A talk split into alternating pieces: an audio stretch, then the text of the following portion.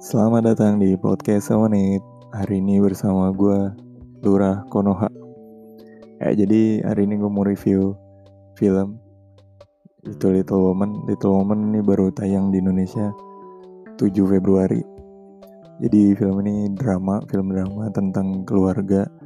Mirip-mirip kayak nanti kita cerita tentang hari ini Tapi anak-anaknya cewek semua. Itu jadi permasalahan tentang anak-anak perempuan dan keluarga gitu. Si film ini dibintangin sama Saoirse Ronan, Emma Watson, ada Laura Dern juga.